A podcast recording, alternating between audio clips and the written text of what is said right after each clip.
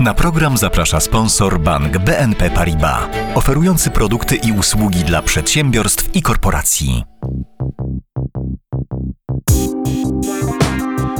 Puls biznesu do słuchania.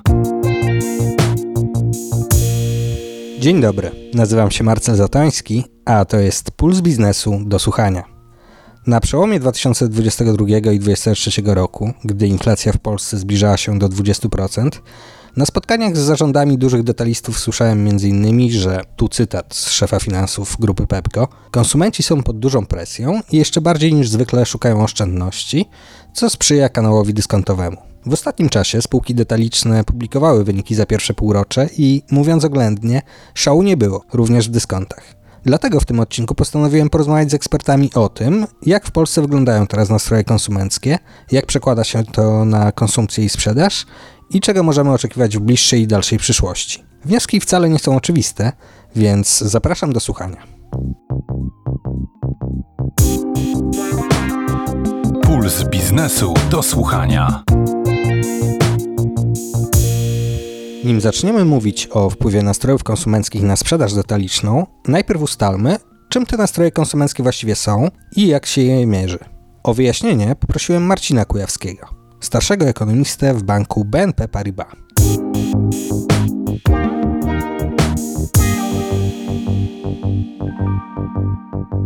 Wskaźnik nastrojów konsumenckich jest wynikiem przeprowadzanych ankiet wśród e, gospodarstw domowych. W Polsce mamy tak naprawdę dwa źródła informacji w tym zakresie. Jeden to faktycznie jest Główny Urząd Statystyczny, e, drugim źródłem jest Komisja Europejska, dla której prywatna firma wykonuje takie badania. Te badania są dobrowolne, natomiast są przeprowadzane na reprezentacyjnej próbie, więc można ich wyniki uogólniać na populację generalną. Co się w tym e, wskaźniku tak de facto mieści? To jest odpowiedź na kilka pytań dotycząca z jednej strony sytuacji poszczególnych gospodarstw domowych, a z drugiej strony odpowiedzi na pytania dotyczące ogólnej sytuacji kraju.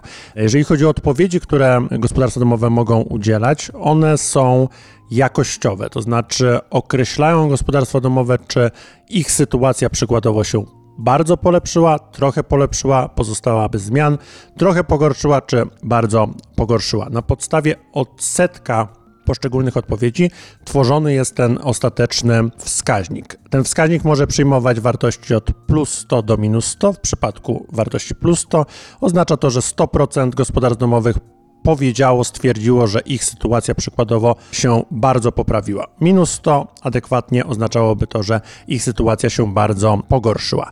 Tym samym oznacza to, że wartości wskaźnika powyżej zera mówią nam o tym, że sytuacja gospodarstw domowych się polepszyła, a wartości poniżej zera, że sytuacja się pogorszyła. Dla nas analityków tak naprawdę nie tylko liczy się to, czy wartość wskaźnika jest dodatnia czy ujemna, ale patrzymy także na zmiany z miesiąca na miesiąc, czyli bierzemy pod uwagę to, czy ta sytuacja jest, mówiąc kolokwialnie, mniej zła z miesiąca na miesiąc, jeżeli ten wskaźnik jest ujemny, czy mniej bądź bardziej dobra, jeżeli ten wskaźnik jest dodatni. A jaka jest korelacja tych nastrojów ze sprzedażą detaliczną?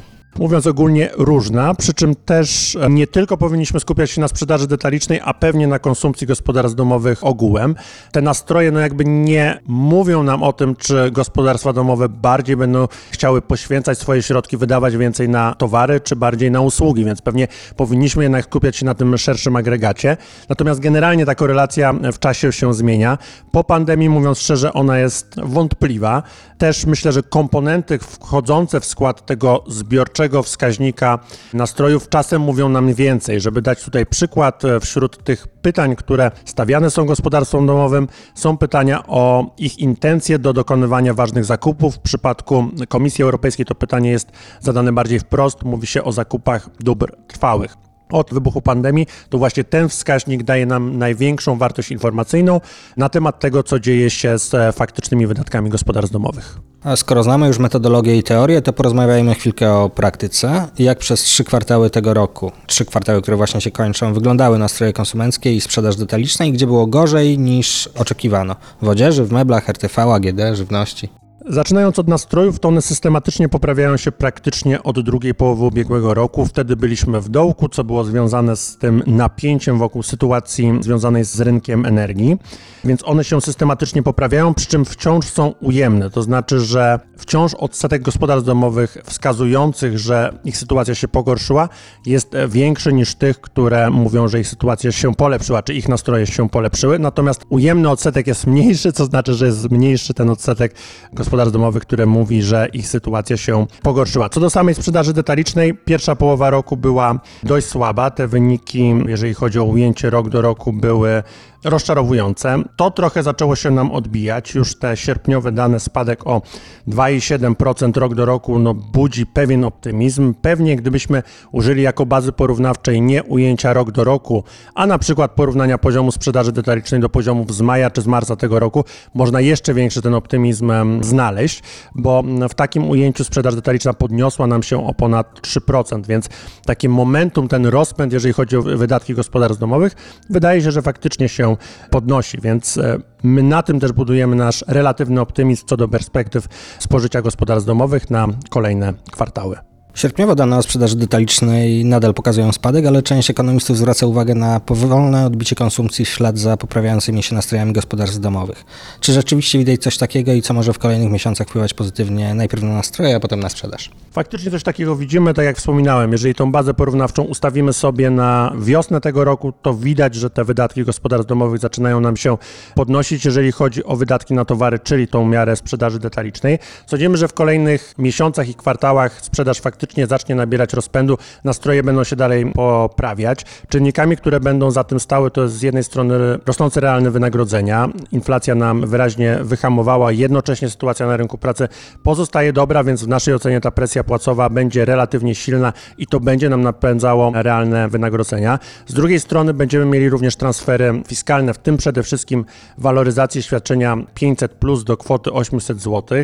My popatrzyliśmy sobie, ile świadczenie 500 plus powinno wynosić, żeby utrzymało siłę nabywczą z marca 2016 roku, to byłoby powiedzmy jakieś 740 zł, więc widać, że ta rewaloryzacja daje jeszcze coś ekstra względem tego, gdzie byliśmy w marcu 2016 roku, kiedy ten program był uruchamiany, więc sądzimy, że z tego tytułu też zobaczymy pozytywny efekt, zarówno jeżeli chodzi o nastroje konsumentów, jak i faktyczne wydatki gospodarstw domowych. Bardzo dziękuję za rozmowę. Moim gościem był Marcin Kujawski, starszy ekonomista banku BNP Paribas. Bardzo dziękuję.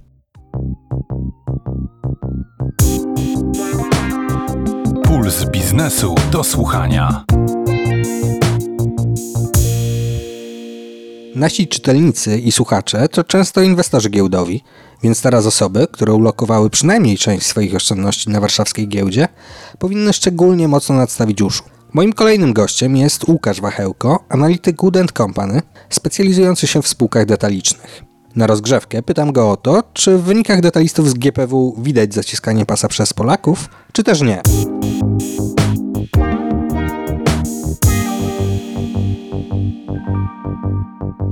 W wynikach pierwszego i tym bardziej drugiego kwartału było to widać dosyć mocno. Zwłaszcza jeśli spojrzymy na detalistów nieżywnościowych, no bo jeśli chodzi o firmy żywnościowe, to te korzystały z wysokiej inflacji i rosły ich przychody, ale w portfelach Polaków nie zostało zbyt dużo pieniędzy na wydatki nieżywnościowe i to jest uwidocznione w wynikach pozostałych graczy. A przez ostatnich kilkanaście miesięcy często słyszałem, że gorsze nastroje konsumenckie to dobra wiadomość dla dyskontów i innych tanich sieci, które w takim otoczeniu korzystają. Jeśli spojrzymy jednak na ostatnie wyniki na przykład Pepko, to tego korzystania e, nie widać za bardzo. I jak wytłumaczyłby Pan gorszą od oczekiwanej sprzedaż właśnie tej sieci czy innych detalistów niespożywczych? Owszem, dyskontowcy zyskali e, w ostatnim okresie na wysokiej inflacji, przy czym były to głównie spółki żywnościowe. Natomiast gracze z sektora odzieżowego czy dóbr trwałego użytku, nawet jeśli są nisko pozycjonowani cenowo, no to cierpieli razem z klientami, którym po prostu w portfelu nawet na te mniejsze wydatki niewiele już zostało. Dla większości detalistów stacjonarnych i internetowych najważniejsza jest końcówka roku. Dla kogo Pańskim zdaniem może być ona udana, a dla kogo nie? Na dobrą sprawę wydaje się, że dla wszystkich powinna być e, udana, chociaż w tym momencie trochę bym różnicował. Spadająca inflacja, choć może ciągle wysoka, ale już spadająca, mniej wieje w plecy spółkom żywnościowym. Widzimy to choćby nie też odzwierciedlone w kursie Jeronimo Martins czy Dino w ostatnim okresie. Tam raczej jest odmieniana wojna cenowa przez różne przypadki w tym segmencie rynku.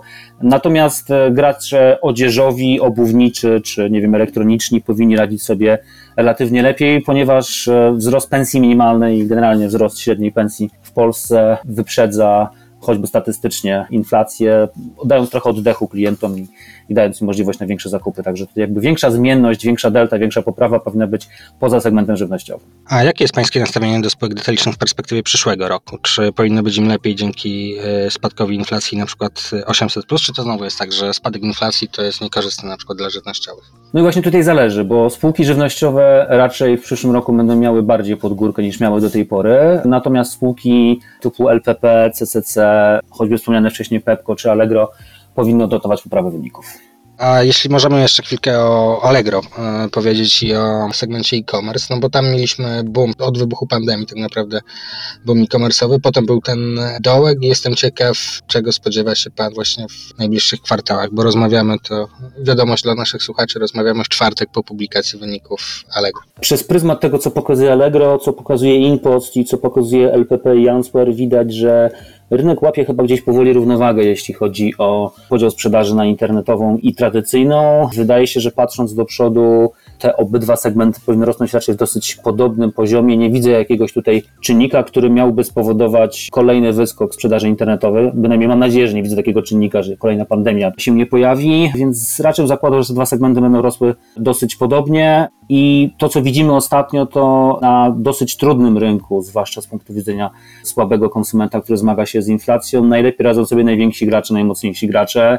Wyniki LPP, czy choćby dzisiejsze wyniki Allegro są zdecydowanie lepsze od wyników graczy mniejszych, którzy muszą się mocniej zmagać z trudnym rynkiem. Bardzo dziękuję za rozmowę. Moim gościem był Łukasz Wachełko, analityk Wood Company. Dziękuję bardzo. Do widzenia. Puls biznesu do słuchania. Skłonność konsumentów do zakupów można analizować na podstawie danych GUS czy wyników finansowych spółek, a można też obserwować na własne oczy, na przykład wybierając się do galerii handlowej i porównując tłok w niej do tego, co widziało się kiedyś. W ubiegłym roku odwiedzalność centrów handlowych, które opustoszały przy okazji COVID-u, niemal wróciła do poziomu przedpandemicznego. A jak to wygląda w tym roku? I czy wysoka inflacja oraz słabe nastroje konsumenckie wpłynęły na rzadsze odwiedziny w galeriach lub ograniczenie zakupów? O to wszystko pytałem Krzysztofa Poznańskiego, dyrektora generalnego Polskiej Rady Centrów Handlowych.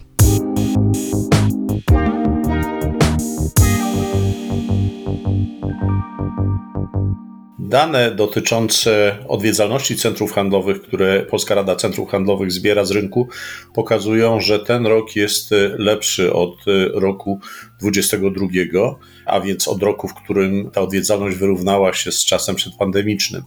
Dane za czerwiec pokazują, że odwiedzalność wzrosła o 5,7% do czerwca 2022. Jednakże, jeśli zwrócimy uwagę na obroty centrów handlowych, na ceny, to już nie jest tak dobrze. Co prawda, porównując wzrost obrotów w centrach handlowych z danymi GUS w cenach bieżących, to ten wzrost obrotów jest wyższy, bo sięga prawie 8%, podczas kiedy wzrost obrotów według GUS wynosi 2,5% to jednak, jak wiemy, inflacja jest wyższa i te obroty nie nadążają za inflacją. A jest koniec września, więc w galeriach już całkiem niedługo zacznie się okres świąteczny, tradycyjnie najlepszy pod względem sprzedaży. Czego spodziewacie się po nim w tym roku, przy tych gorszych trochę nastrojach konsumenckich? Takich okresów wzrostu sprzedaży w ciągu roku jest kilka, chociażby teraz back to school, powrót do szkoły na przełomie sierpnia i września, ale rzeczywiście końcówka listopada, Black Friday i grudzień to są chyba najlepsze okresy sprzedażowe w centrach handlowych. Czego się spodziewamy? No spodziewamy się mimo wszystko wzrostu, kolejnego wzrostu sprzedaży. Tradycyjnie Polacy nie oszczędzają na świętach. Święta są dla nas bardzo ważnym okresem, czas prezentów, czas wspólnych obchodów rodzinnych, świąt, więc myślę, że ten sezon świąteczny będzie równie udany jak poprzedni, pomimo wysokiej inflacji. Od pandemii właściciele centrów handlowych właściwie nieustannie negocjują z wynajmującymi, którzy chcą niższych czynszów ze względu na gorszą odwiedzalność. Wy z kolei chcecie wyższych ze względu na większe koszty pracy, energii itd. Jak te negocjacje wyglądają obecnie i jak wzrosły w ostatnich latach wasze koszty? Ja chciałbym tutaj zaznaczyć jedną rzecz. Polska Rada Centrów Handlowych, którą reprezentuję i którą zarządzam, jest organizacją zrzeszającą zarówno wynajmujących, jak i najemców, więc nie chciałbym się stawiać po czyjejś konkretnej stronie, czy to wynajmujących, czy najemców. Staramy się reprezentować interesy obu stron. A to są trudne do zrównoważenia interesy, zdecydowanie. Tak, ale niestety ma Pan rację, rzeczywiście te oczekiwania e, obu stron się rozjeżdżają. Stanowiska i wynajmujących, i najemców bardzo mocno się spolaryzowały po covid i po niefortunnej ustawie covidowej i słynnym artykule 15 ZT, który postanowił, że najemcy na czas lockdownów nie muszą płacić czynszu. Było to wyjątkowe w Europie rozwiązanie, w żadnym innym kraju tak się nie wydarzyło. I od tego czasu rzeczywiście te stanowiska bardzo mocno się zaczęły rozjeżdżać. Czy, czy one są w jakiś sposób trudne do pogodzenia? Z jednej strony na pewno tak, bo one są uwarunkowane biznesowo. To znaczy najemcy, pomimo że podnoszą ceny i próbują nadążać za inflacją, w sposób oczywisty ich marże są pod dużą presją i te zyski są pewnie mniejsze. Z kolei wynajmujący, którzy muszą pokrywać rosnące koszty utrzymania centrów handlowych, rosnące koszty energii i również wysoką inflację, również znajdują się pod presją. Sprawę komplikuje jeszcze dodatkowo kwestia finansowania budowy centrów handlowych. Centra handlowe są finansowane zazwyczaj z kredytu, czy to przez banki, czy to przez fundusze, i one są finansowane zazwyczaj w walutach, najczęściej w euro albo w dolarach. W związku z tym instytucje finansujące w bardzo ścisłych zapisach umownych, w umowach kredytowych, zwanych kowenantami, zastrzegają sobie bardzo ściśle walutę, w której musi być wyrażony czynsz oraz kwestię indeksacji zgodną z inflacją. I tutaj wynajmujący często nie mają specjalnie miejsca na jakiekolwiek ruchy. Więc to rzeczywiście nie jest łatwe. Natomiast jak życie pokazało pomału, kiedy coraz bardziej poprawia się odwiedzalność centrów handlowych. Kiedy ludzie wrócili do centrów handlowych, te kwestie znajdują regulacje, najczęściej w takich rozmowach dwustronnych. To wszystko też bardzo zależy od konkretnego centrum handlowego, od jego sukcesu, od odwiedzalności. Więc nie powiedziałbym, że jest jakiś bardzo duży konflikt pomiędzy tymi dwoma stronami, natomiast jest to oczywiście też taka kwestia, która w negocjacjach biznesowych ma znaczące miejsce. Jesteśmy tuż przed wyborami parlamentarnymi, a w ramach kampanii niektóre partie polityczne wskazują na możliwość zniesienia ograniczenia handlu w niedzielę. Zakładam, że popieracie taką zmianę, ale może są jakieś inne modyfikacje w prawie, za których wprowadzeniem będziecie lobbować w następnej kadencji jako reprezentanci i właścicieli centrów handlowych i firm, które sprzedają w tych centrach. Tak, popieramy taką modyfikację zdecydowanie, zarówno w imieniu wynajmujących, czyli właścicieli centrów handlowych, jak i najemców, czyli tych wszystkich firm, które prowadzą tam działalność handlową. I odkładając na bok wszelkie spory ideologiczne, bo to jest bardzo gorący temat, ale odkładając na bok te spory ideologiczne, to trzeba spojrzeć na handel w niedzielę jako biznes. Centra handlowe to są budynki, które kosztują wiele set milionów złotych, często powyżej 100 milionów euro, i one muszą pracować. Jeśli przez jeden dzień w tygodniu nie pracują, siłą rzeczy te koszty działalności rozkładają się na mniejszą sprzedaż i siłą rzeczy najemcy, którzy prowadzą tam handel detaliczny, nie zarabiają tyle, ile mogliby zarabiać.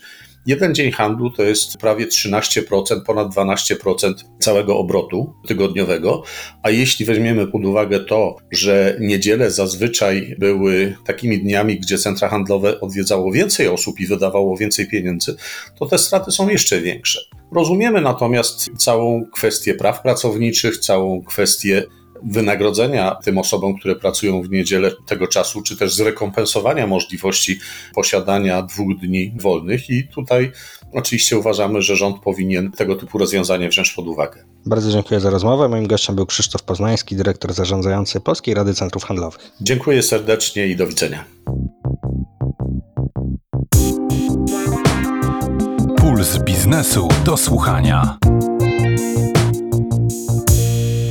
Pandemia sprawiła, że ograniczyliśmy zakupy w sklepach stacjonarnych, ale zaczęliśmy znacznie więcej wydawać w internecie. Największy boom zakupowy jest już za nami, ale jak jest teraz? Co miesiąc możemy przeczytać o tym w danych GUS, a nieco wcześniej w danych firmy Baselinker, które publikujemy również w PB. Do rozmowy o koniunkturze we handlu zaprosiłem więc Kacpra Rosenbauma, szefa partnerstw strategicznych w Baselinkerze, którego na początek proszę, by wytłumaczył słuchaczom, skąd właściwie jego firma wie, jak kształtuje się sprzedaż polskich sklepów, co konkretnie analizuje i jaka jest jej metodologia.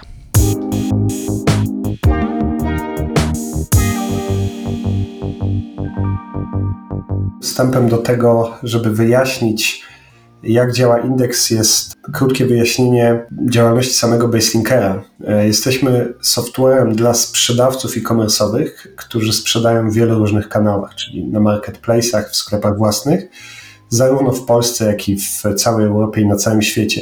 W związku z tym, ponieważ mamy wiele tysięcy sprzedawców, od małych i średnich do bardzo dużych, największych w kraju i w regionie, i widzimy ich sprzedaż w różnych kanałach, czyli tak jak wspominałem, są to zarówno marketplace, zarówno te znane, jak i takie bardziej niszowe, ale też sklepy własne, więc mamy dobre zrozumienie, jak wygląda, jak zachowuje się cały polski e-commerce. W związku z tym, to co postanowiliśmy zrobić, to stworzyć taki indeks, Myślę, że taką dobrą analogią byłyby tutaj indeksy giełdowe, takie jak nie, S&P 500 przykładowo, które również odwzorowują działanie rynku, a działają w taki sposób, że wybiera się po prostu liczbę podmiotów i utrzymuje się tą liczbę podmiotów przez jakiś czas i śledzi ich wyniki.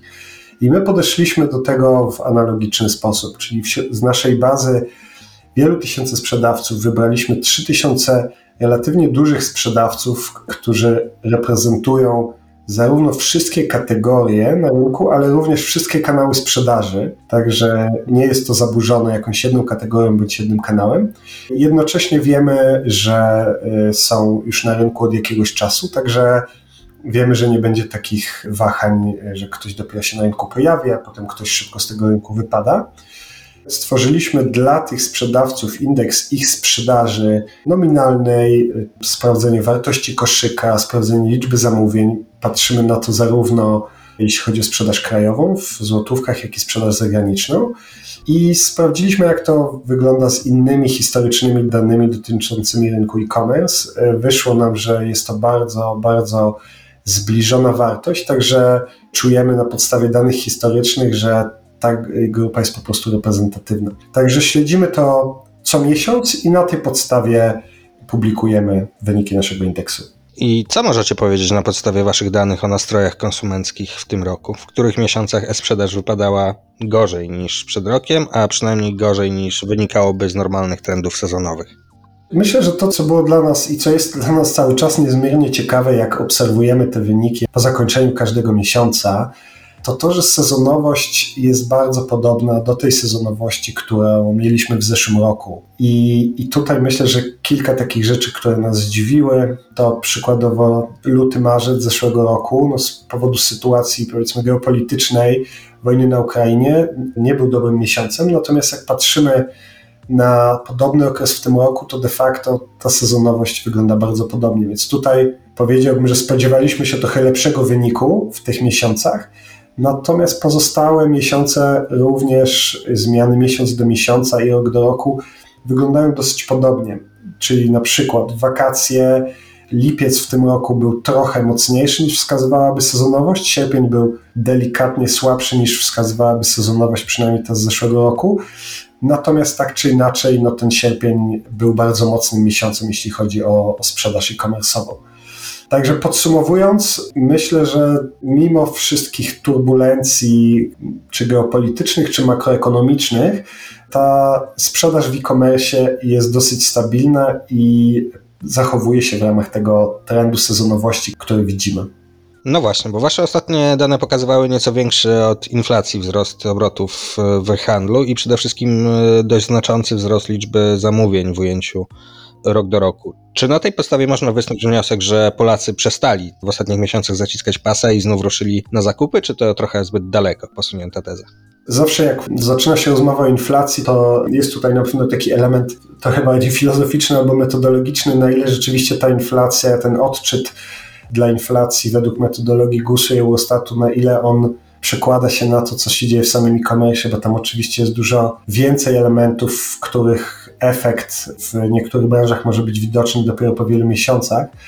Więc tak jak my patrzymy na przykład na samą wartość koszyka, na liczbę zamówień, no to widzimy, że ta wartość koszyka rośnie mniej więcej 5-6% w, w skali rok do roku, więc to na pewno jest trochę niżej od inflacji, natomiast rzeczywiście jest mocny efekt samego wzrostu liczby zamówień. Także biorąc pod uwagę te wzrosty, które widzimy oraz to, o czym wspomniałem wcześniej, że ta sezonowość wygląda podobnie jak w poprzednich latach, no tutaj ciężko powiedzieć, żeby było widać jakieś bardzo mocne zaciskanie pasa. Oczywiście to nie jest wzrost e-commerce'owy, który był widoczny nie wiem, w roku 20 czy 21, do którego czasami wszyscy wracają teraz i widać tę różnicę, natomiast no, wtedy była dosyć wyjątkowa sytuacja przyspieszenia e-commerce'u. Także podsumowując, nie widzimy wielkiego spowolnienia. Widzimy, że Polacy chętnie kupują w e-commerce i ten udział e-commerce'u i sprzedaż w e-commerce rośnie systematycznie z miesiąca na miesiąc. W Waszych zestawieniach regularnie wskazujecie też na wysoką dynamikę wzrostu sprzedaży transgranicznej. Zastanawiam mnie, czy to przede wszystkim efekt niskiej bazy, czy może rzeczywiście polscy e-sprzedawcy zaczęli w większym stopniu szukać klientów i zdobywać tych klientów poza Polską? Myślę, że rzeczywiście mamy tutaj efekt tego, że polscy sprzedawcy coraz bardziej wychodzą spoza Polski i myślę, że taki znowu kontekst lekko historyczny tego e-commerce'u będzie pomocny. To znaczy, polski e-commerce do COVID-u rósł bardzo dynamicznie, przede wszystkim na rynku wewnętrznym. Polski udział, jakby udział e-commerce'u w Polsce w porównaniu do krajów zachodnich przed COVID-em był zdecydowanie niższy. 30, 40, 50% niższy, więc Polska wtedy nadganiała i, i ten rynek lokalny dawał sprzedawcom wystarczająco dużo możliwości. Także w swojej masie sprzedawcy nie potrzebowali wychodzić daleko albo szeroko za granicę. Potem pojawił się COVID i bardzo duże przyspieszenie e-commerce'u i, i sprzedawcy znowu próbowali nadążyć za tym bardzo szybko rosnącym popytem. Natomiast koniec 21, początek 22, no właśnie zeszły rok, to jest wyhamowanie tego wzrostu e-commerce w porównaniu do tych lat wcześniejszych i sprzedawcy, którzy przygotowali, albo duża część z nich przygotowywała się na te dalsze wzrosty, miała możliwości zarówno w łańcuchu dostaw, jak i w własnych operacjach do tego, żeby dalej się skalować. W związku z tym zaczęli szukać różnych nowych możliwości, no i tutaj sprzedaż zagraniczna jakby nasunęła się, można powiedzieć, trochę sama, tak? bo jakby z jednej strony cała infrastruktura wokół e-commerce'u i logistyki również się mocno rozwinęła, także ta sprzedaż transgraniczna stała się łatwiejsza niż kilka lat wcześniej, więc powiedziałbym, że ten splot tej całej sytuacji, trendów na rynku e-commerce, rozwoju infrastruktury, rozwoju chociażby marketplace'ów, ale też na przykład takiego software'u jak nasz, umożliwiły to, że sprzedawcy mogą coraz łatwiej sprzedawać za granicą. Bardzo dziękuję za rozmowę. Moim gościem był Kacper Rosenbaum, szef partnerstw strategicznych w Baselinkerze. Dziękuję bardzo. Puls biznesu do słuchania. Audycję zaczęliśmy od rozmowy z ekonomistą i w ten sam sposób skończymy. Będzie to ekonomista wyjątkowy, bo nasz własny, pulsowy. Ignacy Morawski, którego analizę mogą Państwo czytać w naszej gazecie i na portalu, niedawno napisał, że, cytuję, Polacy są w lepszych nastrojach, ale boomu z tego nie będzie. Najpierw pytam go o to, z czego wynikają te lepsze nastroje. Czy żyje nam się lepiej, czy po prostu przyzwyczailiśmy się do tego, jak jest?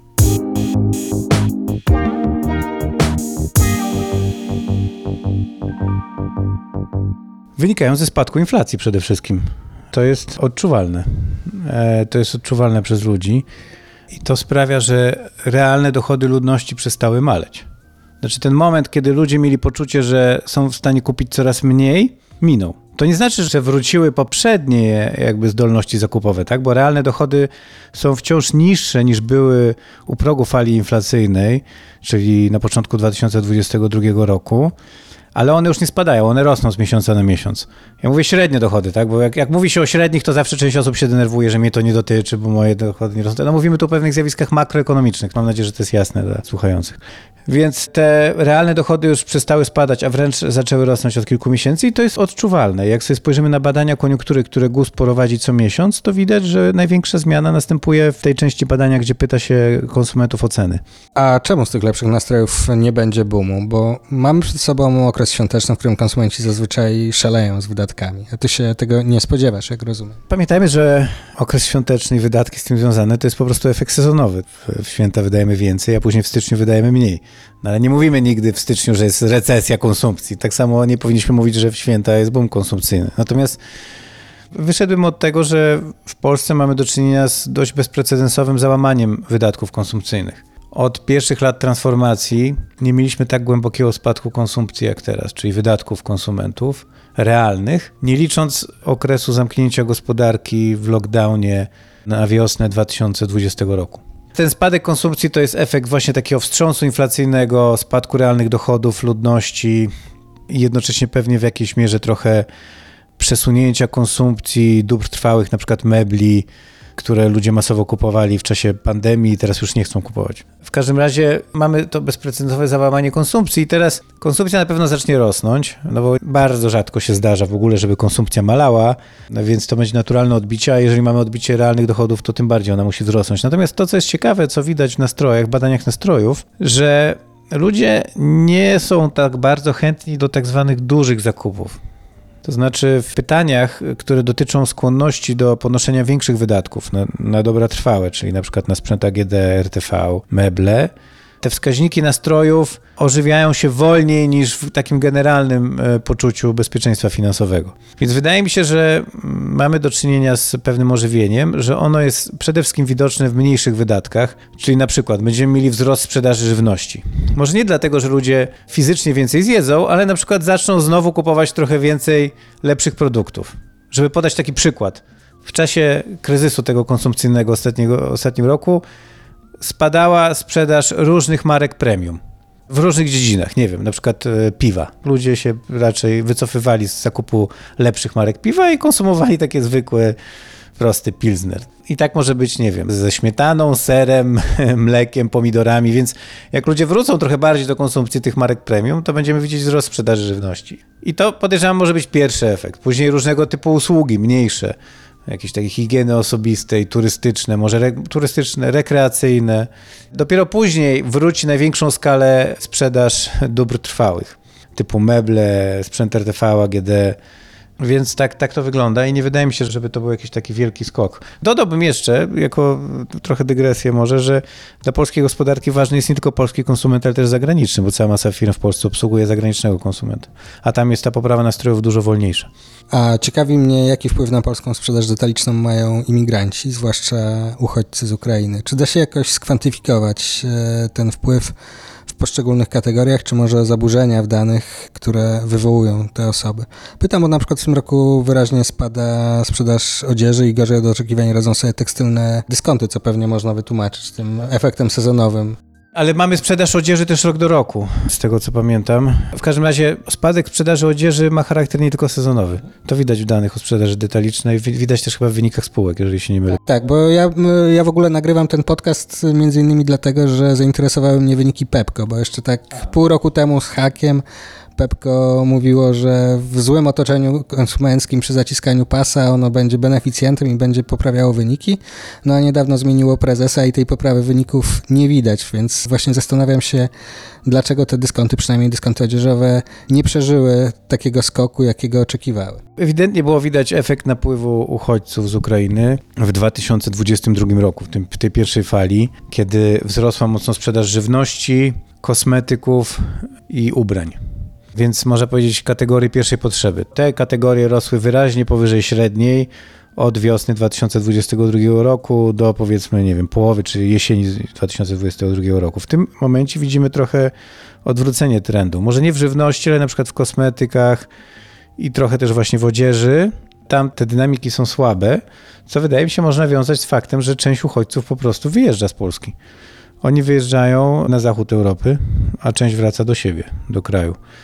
Więc wydaje mi się, że tych uchodźców jest mniej. I to może sprawiać, że ta sprzedaż może rozczarowywać w niektórych kategoriach. Ale kiedy mówisz o wynikach finansowych, to sądzę, że środowisko makroekonomiczne dla wyników finansowych jest gorsze nie tylko ze względu na słabą dynamikę sprzedaży, ale też ze względu na malejącą inflację. Czyli coś, co poprawia nastroje konsumentów, jednocześnie sprawia, że firmom jest trudniej utrzymywać wysokie marże, bo inflacja trochę działa jak mgła. Ona ułatwia podnoszenie cen nie tylko tym firmom, które muszą to robić, bo rosną im koszty, ale też tym firmom, które nie muszą tego robić, bo im nie rosną koszty. Więc generalnie w warunkach inflacyjnych firmom jest łatwiej zwiększać marże. Kiedy ta inflacja maleje, mamy efekt odwrotny, jest trudniej zwiększać marże, co dla firm działających na niskich marżach może być szczególnie odczuwalne.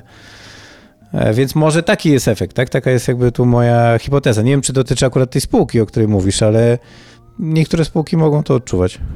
A od przyszłego roku będziemy mieli, zapewne, o ile nic się po wyborach nie zmieni, 500 plus zamienione w 800 plus, kolejną znaczącą podwyżkę płacy minimalnej i tak dalej. Czy w związku z tym od nowego roku można spodziewać się skoku konsumpcji, sprzedaży detalicznej, czy takie paliwo samo w sobie nie wystarczy? No na pewno to będzie element e, ożywienia konsumpcyjnego, o którym wcześniej mówiłem, tak? To znaczy mamy powoli odwrócenie trendu w dochodach realnych ludności, czyli inflacja maleje, więc realne dochody zaczynają szybciej rosnąć. To sprawia, że konsumpcja też e, zacznie rosnąć. No i później od nowego roku wchodzi ten impuls związany z e, programem 800+, to zapewne wpłynie na konsumpcję pozytywnie, plus płaca minimalna to też, aczkolwiek w przypadku płacy minimalnej ten efekt może nie jest taki oczywisty, bo nie wiem, czy za wzrost płac części pracowników, którzy są na minimalnej pensji, nie zapłacą ci pracownicy, którzy są powiedzmy na średniej pensji, a nie minimalnej. Tak więc ogólnie fundusz płac nie musi zwiększyć się tak jak pensja minimalna. Natomiast jeżeli chodzi o 800, tam będziemy mieli na pewno jakiś efekt konsumpcyjny, chociaż wydaje mi się, że duża część tego dochodu będzie oszczędzana, więc nie, dlatego też nie oczekuję jakiegoś boomu. Wydaje mi się, że to po prostu będzie ożywienie, tak? Wyraźne ożywienie, odczuwalne, ale to nie będzie takie wyjście jak po pandemii, bo w pandemii mieliśmy załamanie i bardzo szybkie odbicie, tak, takie V-kształtne. Teraz wydaje mi się, to będzie bardziej ukształtne, powiedzmy, czyli takie powolne wyjście z tego dołka. My mamy z Ignacem taki scenariusz rozmowy, który uzgadniamy wcześniej, ale ja teraz zadam jeszcze jedno pytanie. Poza scenariuszowe? Poza scenariuszowe, bo mnie jedna rzecz y, zainteresowała. Powiedziałeś, że spodziewasz się, że Polacy z tego 800 plus pieniądze, które będą, będą w większej mierze oszczędzać, a nie konsumować. I to mnie ciekawi. Dlaczego masz taką tezę? Generalnie ja nie, nie twierdzę, że większość będzie tego oszczędzona, ale że jakaś część. Wydaje mi się, że jest jakaś część gospodarstw domowych w Polsce, które nie oszczędzają w ogóle, no więc oni oczywiście wydadzą to szybko. Natomiast te gospodarstwa, które mają potencjał oszczędnościowy, wydaje mi się, że mogą kalkulować, że w jakiś sposób zwiększone wydatki fiskalne w Polsce w warunkach wciąż podwyższonej inflacji generują jakieś ryzyko inflacyjne w przyszłości, więc trzeba się przed tym ryzykiem zabezpieczyć i na przykład więcej oszczędzić. To jest taki efekt w ekonomii znany, chociaż nie występujący często, czyli w momencie, kiedy rząd zwiększa wydatki, konsumenci uznają, że to oznacza wysokie obciążenia w przyszłości, więc zaczynają więcej oszczędzać, żeby odłożyć na spełnienie tych zobowiązań, czy to podatkowych, czy inflacyjnych.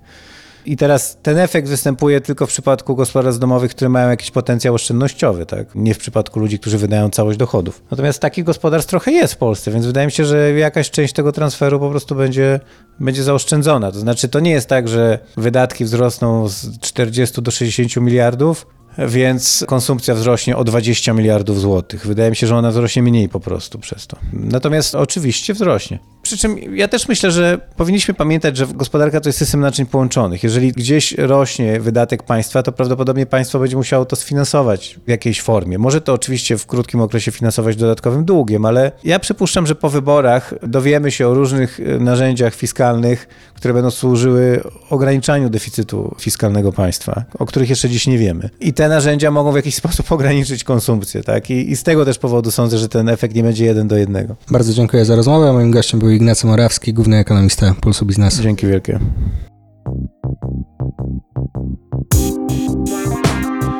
Puls biznesu do słuchania.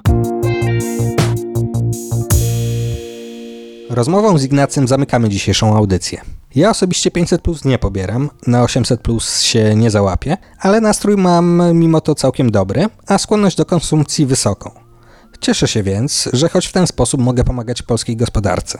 Cieszę się też, że za tydzień będę miał wraz z Państwem przyjemność posłuchać audycji przygotowanej przez moją redakcyjną koleżankę Małgorzatę Grzegorczyk, która w przeciwieństwie do mnie jest już po urlopie, więc wraz ze swoimi gośćmi podsumuję dla Państwa sezon turystyczny.